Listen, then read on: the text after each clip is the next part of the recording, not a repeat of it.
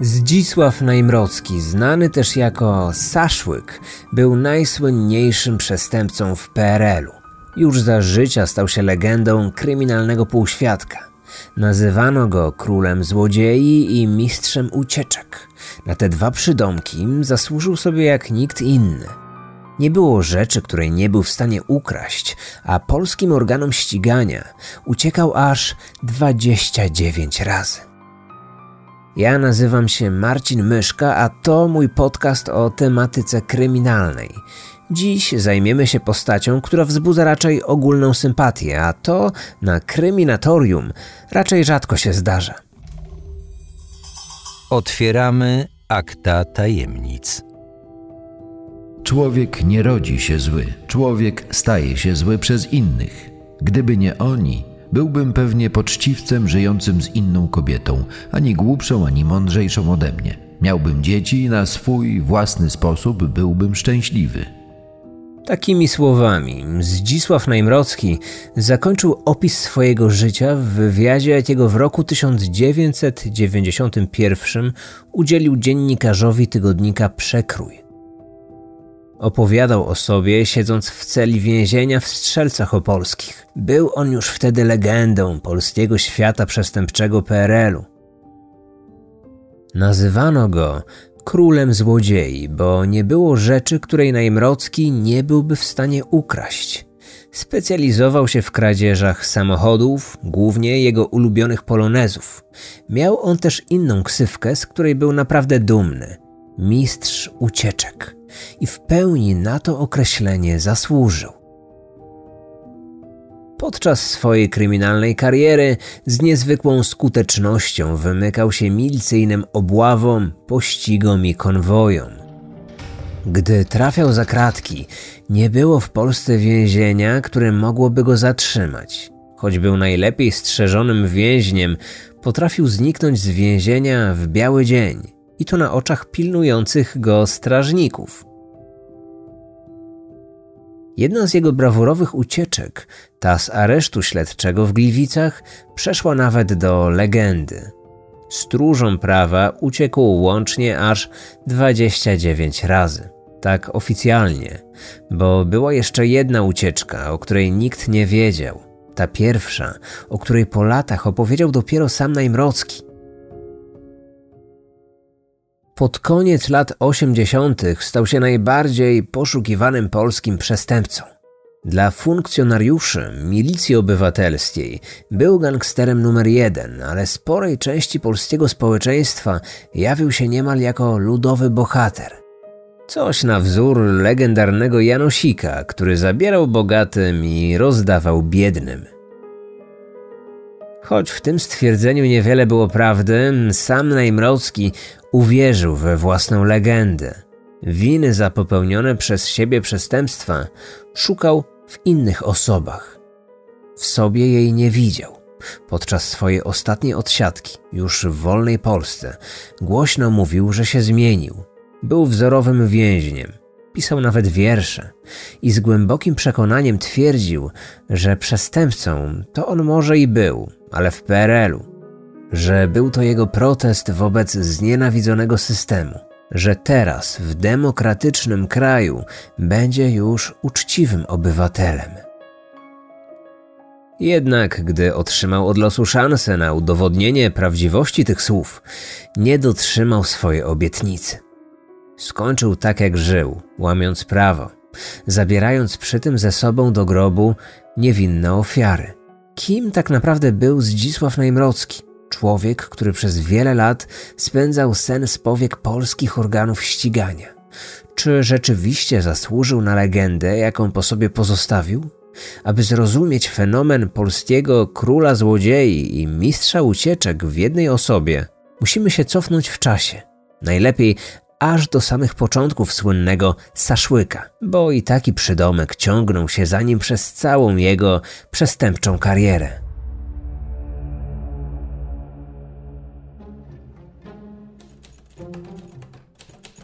To pod koniec lat 60. mógł pomyśleć, że ten świetnie wysportowany młodzieniec będzie najgłośniejszym i najbardziej poszukiwanym polskim przestępcą – i zamiast imienia Zdzisław przylgnął do niego pseudonimy Śmieciarz, wśród najbliższych Zdzicho, a tak w ogóle to Szaszłyk. Ale zatrzymajmy się na chwilę przy tym słynnym Saszłyku. Tego przydomku Najmrocki bardzo nie lubił. Denerwował się za każdym razem, gdy ktoś tak go nazywał. Skąd się wzięło to określenie, pochodzące od nazwy potrawy, zresztą wypowiadane błędnie saszłyk zamiast szaszłyk. Tak właśnie wymawiał ten wyraz sam Najmrocki. Mówił o nim często, ponieważ była to jego ulubiona potrawa. Mógł godzinami opowiadać o sposobach jej przyrządzenia, a zwłaszcza o jej spożywaniu. Ale dlaczego wymawiał tę nazwę nieprawidłowo? Tu wersji jest kilka. Najbardziej popularna jest ta mówiąca, że spowodowane to było jego wadą wymowy, której nabawił się w dzieciństwie. Nie do końca jest to jednak prawdą. Jego wypowiedzi prezentowane w magazynie kryminalnym 997 nie wskazują, aby Najmrocki miał aż tak poważne problemy z wymową. Co prawda, lekko seplenił, ale jednak nie na tyle, aby nie potrafił wypowiedzieć głoski szy.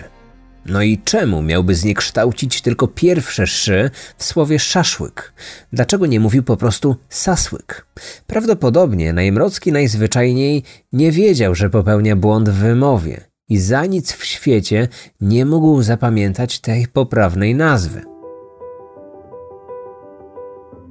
Zdzicho, jak mówili do niego wszyscy bliscy, urodził się 20 sierpnia 1954 roku w małej wsi w ówczesnym województwie piotrkowskim.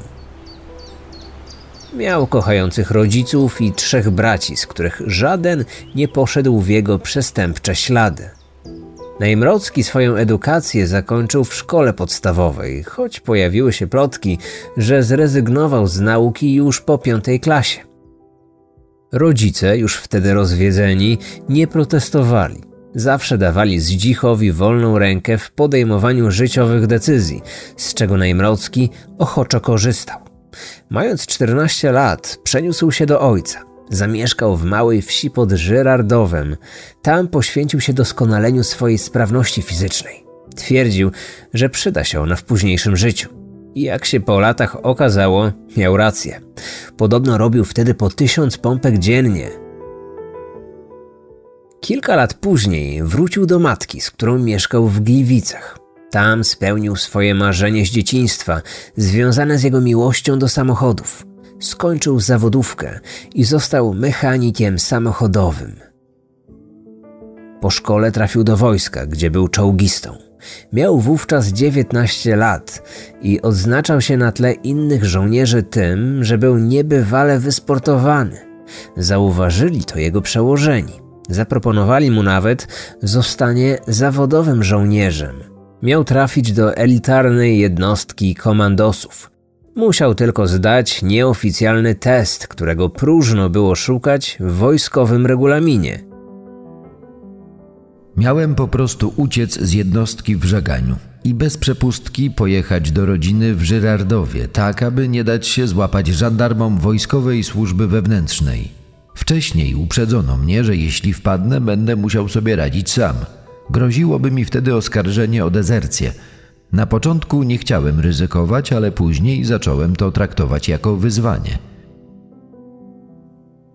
Ostatecznie ta samowolka się udała namierzony w Warszawie przez żandarmów z Zdzicho, zgubił pościg. Wskoczył w biegu do nadjeżdżającego pociągu. Służby czekały na niego na następnej stacji, ale gdy pociąg się na niej zatrzymał, uciekinier z niego nie wysiadł. Nie było go też w przeszukanych przedziałach. Wtedy stało się jasne, że Najmrocki musiał wyskoczyć z pędzącego pociągu gdzieś po drodze. Test na komandosa zdał więc celująco, ale żołnierzem i tak nie został. Jakoś nie widział siebie w mundurze. Chciał wrócić do domu i być kierowcą rajdowym. Po latach stwierdził, że gdyby to mu się wtedy udało, nigdy nie stałby się przestępcą. Niestety jego ambitny plan nigdy się nie powiódł. 1977 roku ożenił się, zamieszkał z żoną w Gliwicach. Na życie zarabiał jako mechanik samochodowy. Coraz częściej zaczął też zaglądać do kieliszka i właśnie przez alkohol po raz pierwszy zadarł z prawem. Na wiejskiej zabawie pod Żyrardowem pod wpływem alkoholu poturbował człowieka. Później okazało się, że był to funkcjonariusz milicji. Najmrocki został za to skazany na półtora roku pozbawienia wolności. Wyrok odsiadywał w Gliwicach, gdzie w więziennym warsztacie pracował jako mechanik. Wkrótce otrzymał od losu szansę na odzyskanie wolności. Musiał tylko zrobić to, co wcześniej udało mu się w wojsku uciec. Kilka miesięcy później w Warszawie odbył się proces innego uczestnika bójki na wiejskiej potańcówce. Najmrocki miał w nim zeznawać jako świadek. Postanowiono przetransportować go do stolicy pociągiem. Skutego go kajdankami w asyście dwóch eskortujących go milicjantów. Zdzichowi pomogła jedna z cech jego charakteru. Jako niezwykle kontaktowy człowiek był on bardzo wygadany i wesoły. Wzbudzał szczerą sympatię osób, z którymi rozmawiał. Tak też pomyśleli o nim pilnujący go funkcjonariusze. Podczas tej kilkugodzinnej podróży pomiędzy osadzonym a stróżami prawa nawiązała się niemal koleżeńska relacja. Atmosfera w przedziale rozluźniła się na tyle, że milicjanci zdjęli najmrockiemu kajdanki. Przecież i tak nie mógł uciec z pędzącego pociągu, prawda? Tak przynajmniej wtedy sądzono. Za swoją naiwność milicjanci zapłacili wysoką cenę. Rozmawialiśmy sobie jak starzy kumple, a przecież wiadomo, że najlepiej gada się przy piwku. Zaproponowałem chłopakom, żeby coś wypić, bo wagon restauracyjny mieścił się tuż za naszym. Na początku odmawiali, ale kiedy zaproponowałem, że to ja im postawię, zgodzili się bez wahania. Dalsza podróż mijała nam jeszcze milej. Piliśmy, paliliśmy papierosy i żartowaliśmy, jakbyśmy znali się od urodzenia. Najmrocki miał mocną głowę do alkoholu. Milicjanci nie. Prócz paru piw wypili kilka setek czystej. Po dwóch godzinach pijani funkcjonariusze zasnęli. Gdy zaczęli głośno chrapać, Zdzicho już wiedział, że jeśli nie teraz, to nigdy. Wykorzystał moment, kiedy pociąg zwolnił, dojeżdżając do kolejnej stacji. Otworzył okno w przedziale i wyskoczył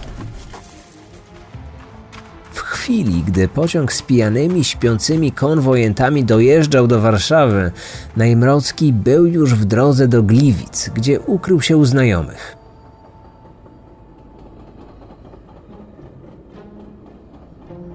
Aby przeżyć, potrzebował pieniędzy. Wtedy na swojej drodze spotkał dawnego kolegę z wojska, przemytnika szmuglującego do Polski zachodnie towary. On pomógł Zdzichowi, Dał mu robotę przy eskortowaniu konwojentów przekraczających polską granicę. Wykorzystał w ten sposób ponadprzeciętne umiejętności Najmrockiego w szybkiej i brawurowej jeździe samochodem. Za kółkiem Saszłyk czuł się jak ryba w wodzie, niczym zawodowy kierowca rajdowy, którym zawsze chciał zostać. Co ciekawe, Najmrocki nie miał nawet prawa jazdy. Jego zadaniem było odwracanie uwagi milicji, gdy na trasie pojawił się samochód z przemycanym towarem i z tego zadania wywiązywał się wzorowo. Zdarzało się, że pędził jak szalony tylko po to, by sprowokować milicyjny pościg za nim. Po to, żeby kontrabanda mogła bez przeszkód dojechać do celu, omijając milicyjne kontrole. Zarobki Najmrockiego rosły w szybkim tempie tak jak i jego pozycja w przestępczym półświadku. Ale Zdzichu nie lubił mieć nad sobą szefów. Postanowił więc działać na własną rękę. Na swój cel wybrał sklepy sieci Pewex, czyli jedyne w latach 70. i 80. sklepy w Polsce, gdzie można było kupić zachodnie produkty. Od jeansów, perfum po słodycze i alkohole. Takie zakupy, oczywiście tylko za dolary lub specjalne bony towarowe, były wówczas marzeniem wielu polskich rodzin. Najmrocki także pożądał tych luksusowych towarów, które wypełniały półki peweksów. Jednak nie zamierzał ich kupować, postanowił je kraść. W tym celu zebrał grupę młodych recydywistów, którzy ochoczo przystąpili do stworzonej przez niego ekipy. To właśnie on jako szef opracował własną metodę kradzieży, zwaną później przez milicjantów metodą na plakat. Złodzieje przed skokiem wycinali w szybie wystawowej otwór. Po wejściu włamywaczy do sklepu, stojący na czatach członek bandy zaklejał dziurę plakatem zerwanym z ulicznego słupa ogłoszeniowego. Nie było śladów włamania, nie było przestępstwa. Złodzieje mieli niemal całą noc na penetrowanie lokalu i wyniesienie z niego wszystkiego, co tylko mogli spieniężyć. Najmrocki brał niemal wszystko. Z tego powodu wkrótce przylgnie do niego nowy pseudonim śmieciarz. Towary z Peweksu trafiały na miejskie bazary w całej Polsce i natychmiast znajdowały kupców wśród ludzi spragnionych powiewu zachodu. Najmrocki został cenionym dostawcą, a sprawa kradzieży w sklepach Pewex zrobiła się głośna na cały kraj. Jego interes rozrósł się. W ciągu tylko jednego roku łupem bandy padło ponad 70 peweksów. I pojawił się problem. Gdzie ukryć tak ogromną ilość towaru? W tym celu Najmrocki wynajął magazyn, w którym urządził kryjówkę. Czujący się bezkarnie Najmrocki nie wie, że milicja jest już na jego tropie. Co prawda nie zna miejsca jego pobytu, ale posiada coraz większą wiedzę o jego wspólnikach. Krąg poszukiwań zacieśnia się. Jeden z zatrzymanych złodziei zaczyna sypać. Wreszcie służby kryminalne otrzymują informację o planowanym spotkaniu Najmrockiego z matką w Gliwicach. 23 maja 1979 roku ubrani po cywilnemu milicjanci czekali na niego pod blokiem, w którym mieszkała matka poszukiwanego zbiega. Najmrocki został schwytany, ale i tym razem udało mu się uciec. W momencie aresztowania zaczął krzyczeć, że stał się ofiarą napadu rabunkowego. Zaalarmowani przechodnie pomogli mu skutecznie oswobodzić się z uścisków milicjantów. Kiedy wyjaśniło się, że nie był to napad, a próba zatrzymania groźnego bandyty, Najmrocki był już daleko. Rok poszukiwań zakończył się totalną klapą. Po raz pierwszy zrozumiano, że Najmrocki nie jest przeciętnym kryminalistą. Przez następne miesiące pościgi i obławy nie przynosiły rezultatu. Specjalna grupa śledcza nie dawała jednak za wygraną. Listy gończe z podobizną Najmrockiego pojawiły się na terenie całego kraju. Milicjanci wkrótce zaczęli trafiać na trop jego ludzi. Za kratkami znalazło się blisko dwudziestu wspólników z Saszłyka. Najmrockiemu grunt zaczął palić się pod nogami. Postanowił opuścić Polskę. Przez zieloną granicę z Czechosłowacją próbował uciec razem z matką, która od samego początku jego przestępczej kariery pomagała mu jak tylko mogła. Stamtąd postanowili przedostać się do Austrii. W lipcu 1979 roku wpadli w ręce czechosłowackiej służby granicznej, niecałe 3 km od upragnionego celu. Oboje zostali aresztowani. Pani Najmrocka spędziła w więzieniu kilka miesięcy, po czym została zwolniona. Zdzisław kolejny raz trafił do aresztu śledczego w Gliwicach. Władze ludowe ogłosiły w mediach wielki sukces. Wsadzono za kratki najgroźniejszego polskiego przestępcę, autora kilkudziesięciu napadów na Peweksy. Jego proces rozpoczął się rok później, ale Najmrocki nie zamierzał czekać na jego zakończenie. Podczas ogłoszonej przerwy uciekł. Wykorzystał w tym celu przepiłowane wcześniej kraty w celi tymczasowej, w której czekał na wznowienie rozprawy. Jak wykazało późniejsze dochodzenie, jego ucieczkę z gmachu Gliwickiego Sądu zorganizowali pozostający na wolności jego najbardziej zaufani wspólnicy. Ich łącznikiem z osadzonym była matka Najmrockiego, która aktywnie brała udział w przygotowaniach do tej ucieczki. Po latach opowiedział zupełnie inną wersję tych wydarzeń. O pomoc w jego ucieczce oskarżył milicjantów. Twierdził, że opłacił kilku funkcjonariuszy, którzy sami przepiłowali kraty w oknie i umożliwili mu w ten sposób wydostanie się na wolność. Nikt oczywiście nie wierzył wówczas Saszłykowi, ale hmm, czy na pewno kłamał? Wątek pomocy ze strony milicji, a nawet pracowników MSW będzie się od tego momentu stale przewijał w jego przestępczej historii. Choć nigdy nie udowodniono żadnemu mundurowemu współpracy z Najmrockim, sam Jan Płócienniczak przyznał w jednym z odcinków magazynu kryminalnego 997, że wersja ta jest bardzo prawdopodobna. Ucieczka z sądu rozsławiła Najmrockiego w całym kraju. O groźnym kryminaliście mówiono w telewizyjnych dziennikach. Pisała o nim prasa. Tymczasem Saszłyk przeniósł się do stolicy. Nie chciał już kraść. Miał inny pomysł na zbicie majątku. Postanowił zostać złodziejem samochodów. Wraz ze swoimi ludźmi kradł głównie polonezy, w których się specjalizował. Każdy przywłaszczony samochód zyskiwał nowe, oryginalne dokumenty, czyste blankiety i pieczątki.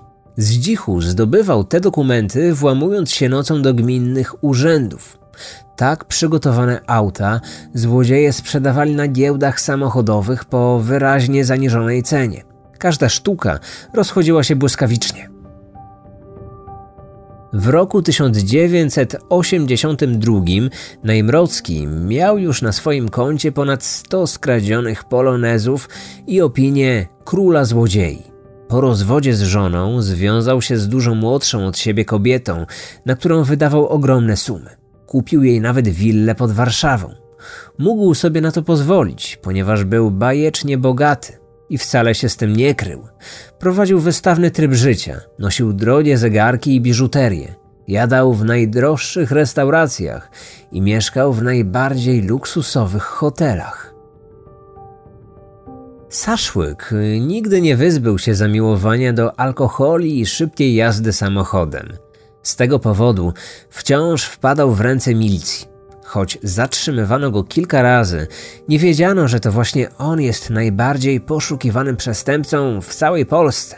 Wszystko za sprawą podrobionych dokumentów na inne nazwiska, którymi legitymował się Najmrocki. Tak było m.in. w roku 82, kiedy pod Radomiem uległ wypadkowi.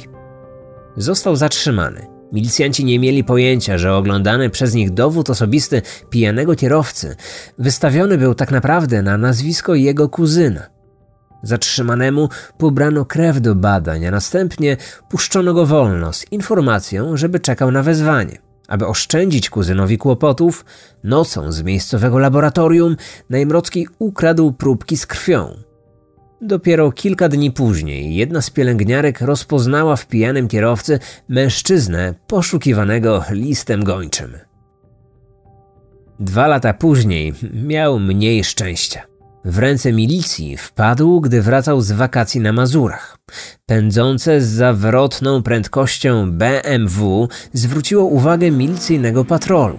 Wywiązał się pościg wąskimi drogami podwarszawskich wsi. Kierowca nie reaguje na żadne sygnały. Z cyrkową zręcznością omija kolejne zapory. Dopiero milicyjna blokada przynosi skutek. Najmrocki zjeżdża w boczną uliczkę. Tam ma do wyboru przejechać pod opuszczonymi zaporami tuż przed nadjeżdżającym pociągiem albo skręcić w podwórko pobliskiego domu. W ostatniej chwili rezygnuje z ryzykownego przejazdu przez tory i wjeżdża na posesję. Stamtąd nie ma wyjazdu. Zostawia więc samochód i ucieka pieszo. Złapali go po przebiegnięciu pięciu kilometrów. Milicjanci byli wtedy przekonani, że zatrzymali mężczyznę o nazwisku Dąbrowski. Dopiero sprawdzenie odcisków palców uzmysłowiło im, kogo tak naprawdę zatrzymali. Najmrocki trafił do warszawskiego aresztu śledczego na Mokotowie.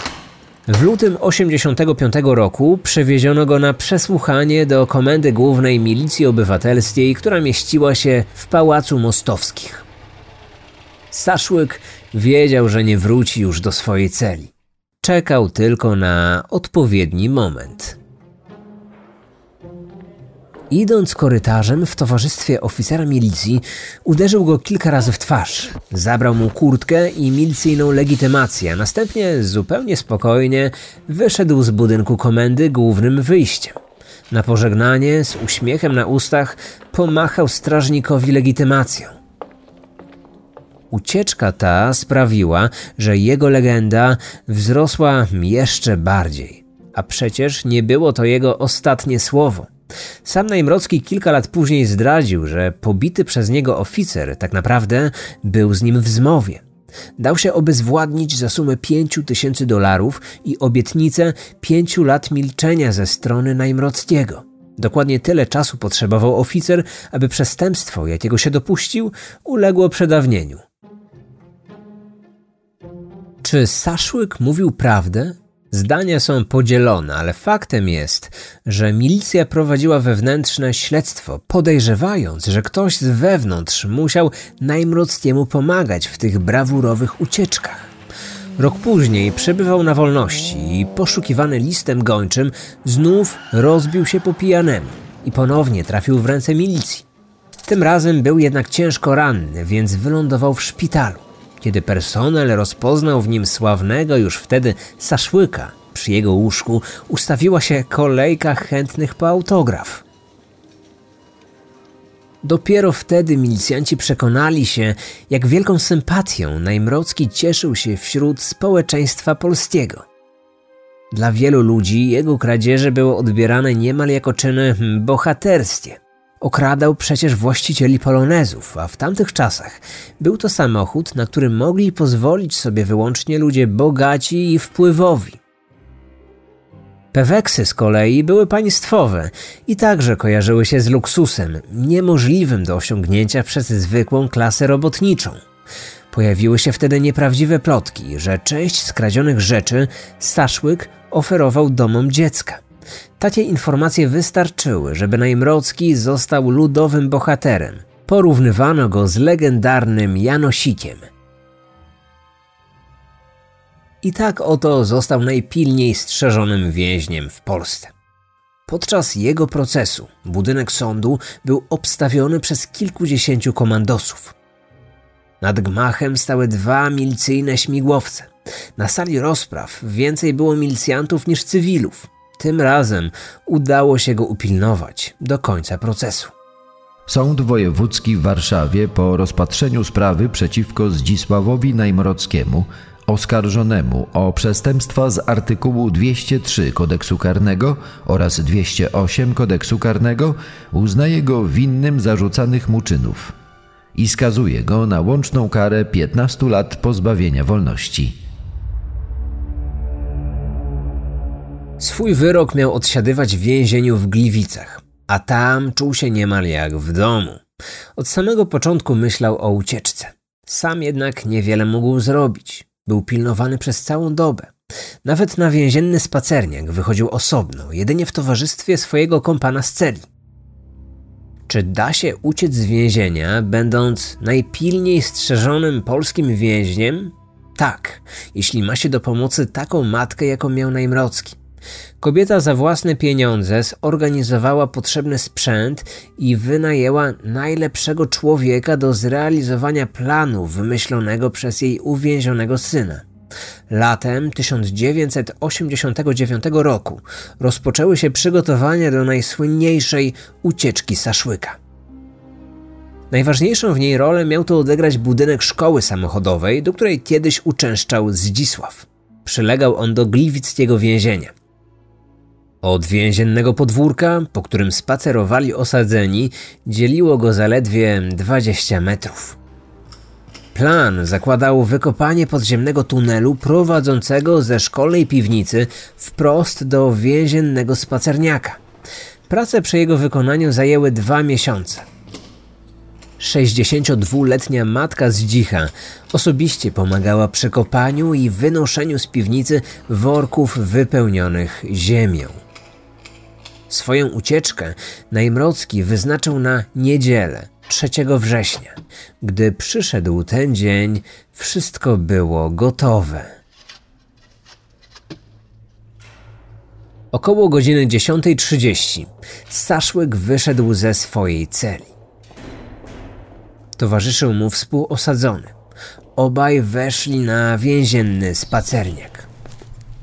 Dowódca zmiany oraz oddziałowy strażnik nawet na sekundę nie spuszczali z oczu dwóch spacerujących więźniów. Z dzichu szedł wolnym krokiem z opuszczoną głową. Uparcie wpatrywał się w chodnik. Jego zachowanie nie wydawało się nikomu podejrzane. Przecież prawo nie zabrania osadzonym patrzeć tam, gdzie chcą. Nagle z dzichu zatrzymał się. Tylko on dostrzegł wystający z trawy obok chodnika drut. Już wiedział, że znalazł właściwe miejsce. Przeszedł jeszcze jedno okrążenie, a następnie usiadł na ławce.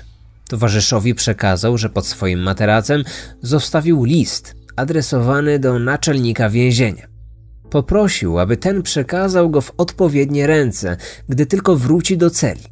Na stwierdzenie kompana, że ten nie wie o co chodzi, Saszłyk tylko się uśmiechnął. I odparł, że już niedługo wszystko zrozumie. Następnie Najmrocki wstał i proponując jeszcze jedno okrążenie, ruszył przed siebie. Szedł pewnym krokiem. Gdy tylko zbliżył się do miejsca, z którego wystawał drut, zatrzymał się. Zrobił krok w bok, schodząc z betonowego chodnika. Podskoczył. W tym samym momencie obserwujący go strażnicy zobaczyli coś, czego nigdy by się nie spodziewali. Opadający więzień nagle zniknął na ich oczach. Dosłownie zapadł się pod ziemię. Wszystko rozegrało się w ułamku sekundy.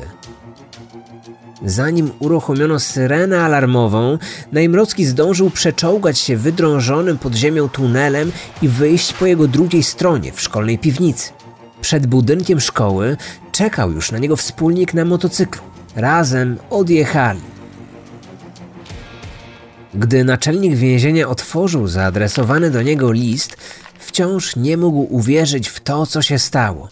Jeszcze bardziej zaskoczyły go słowa Najmrockiego – z nieukrywanym żalem ubolewam nad faktem pozostawienia za sobą wielu kłopotów spowodowanych moim zachowaniem, które ostatecznie doprowadziło do niekonwencjonalnego opuszczenia murów więzienia.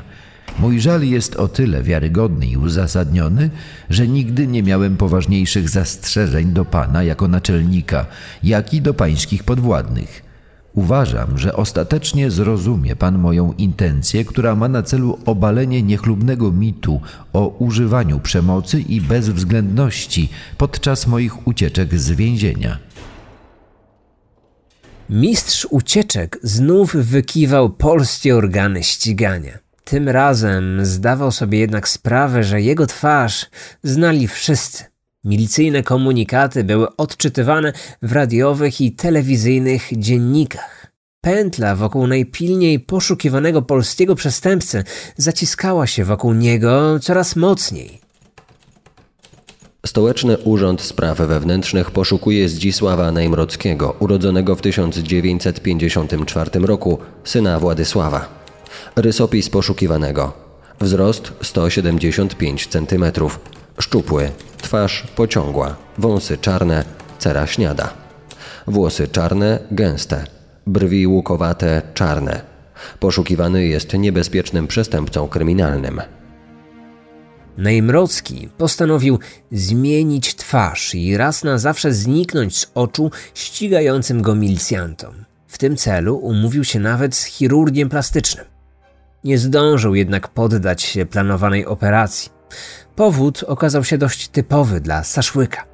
Kolejny raz przeszkodziło mu jego zamiłowanie do alkoholu i szybkiej jazdy samochodem, będąc pod jego wpływem. Dwa miesiące po jego ostatniej spektakularnej ucieczce, prowadzony przez niego z zawrotną prędkością kradziony samochód uderzył w przydrożną latarnię. Zatrzymany przez krakowskich milicjantów kierowca miał ponad 2 promile alkoholu i dokumenty na nazwisko Jan Bardak. Pomimo odniesionych w wypadku ran, Saszłyk wdał się w bójkę z funkcjonariuszami, a następnie zaczął uciekać. Stan alkoholowego upojenia nie pozwolił mu wykorzystać jego sprinterskich możliwości. Został schwytany i osadzony w areszcie. Dopiero badanie linii papilarnych wykazało, że milicjanci aresztowali żywą legendę polskiego świata przestępczego. Jeszcze tego samego dnia prezenter wieczornego dziennika telewizyjnego z nieukrywaną dumą w głosie poinformował widzów o wielkim sukcesie milicji obywatelskiej. Jak się miało wkrótce okazać, był to ostatni tak wielki sukces polskiej milicji, która pół roku później została zastąpiona przez policję. Po półtora rocznym śledztwie i procesie sąd rejonowy w Krakowie skazał Najmrockiego na karę łączną 7,5 roku pozbawienia wolności. Jako recydywista i niebezpieczny przestępca Staszłyk trafił do więzienia w Strzelcach Opolskich. Stamtąd nie udało mu się już uciec. Prawdopodobnie nawet tego nie planował. Zamiast kolejnej próby samowolnego opuszczenia murów więzienia, Najmrocki poddał się procesowi pełnej resocjalizacji. Aktywnie uczestniczył w zajęciach grupowych. Zaczął również pisać wiersze, które zostały wydane i sprzedane w liczbie 7 tysięcy sztuk. Twierdził, że się zmienił, że po wyjściu na wolność nie będzie już przestępcą, że zajmie się legalnym biznesem. Planów miał wiele, podobnie jak poukrywanych w różnych tajnych skrytkach dolarów i złota. Bardzo sprytnie wykorzystał zmieniającą się sytuację polityczną w kraju. Jako obywatel wolnej Polski zapewniał, że jego przestępcza kariera była jedynie wyrazem buntu wobec socjalistycznej Polski Ludowej, której szczerze nienawidził. Teraz, w trzeciej RP, chce być przykładnym obywatelem, który, jeśli znów będzie wolny, nigdy nie wróci do dawnego przestępczego życia. Wielu mu uwierzyło, w tym najważniejsza osoba w państwie prezydent Lech Wałęsa. Jego decyzją 15 listopada 1994 roku Zdzisław Najmrocki został ułaskawiony. Więzienie opuszczał jako 40-letni celebryta i najsłynniejszy zresocjalizowany polski kryminalista. Swoisty bohater swoich czasów. Niekwestionowany król złodziei i mistrz ucieczek. Znienawidzony przez organy ścigania, ale uwielbiany przez prostych ludzi. Choć obiecywał poprawę, w swoim postępowaniu wytrzymał zaledwie rok. 31 sierpnia 1995 roku zginął w wypadku drogowym niedaleko Muławy. Prowadzone przez niego BMW wpadło w poślizg i zjechało na przeciwległy pas jezdni, prosto pod koła jadącej ciężarówki. Oprócz kierowcy zginęli też dwaj nastoletni chłopcy, dzieci jego kolegi, który drugim samochodem jechał tuż za nimi. Podczas oględzin miejsca wypadku okazało się, że samochód był kradziony, a dokumenty 41-letniego kierowcy fałszywe, wystawione na panieńskie nazwisko jego matki. Przestępcze nawyki Najmrockiego okazały się być silniejsze niż jego obietnica poprawy.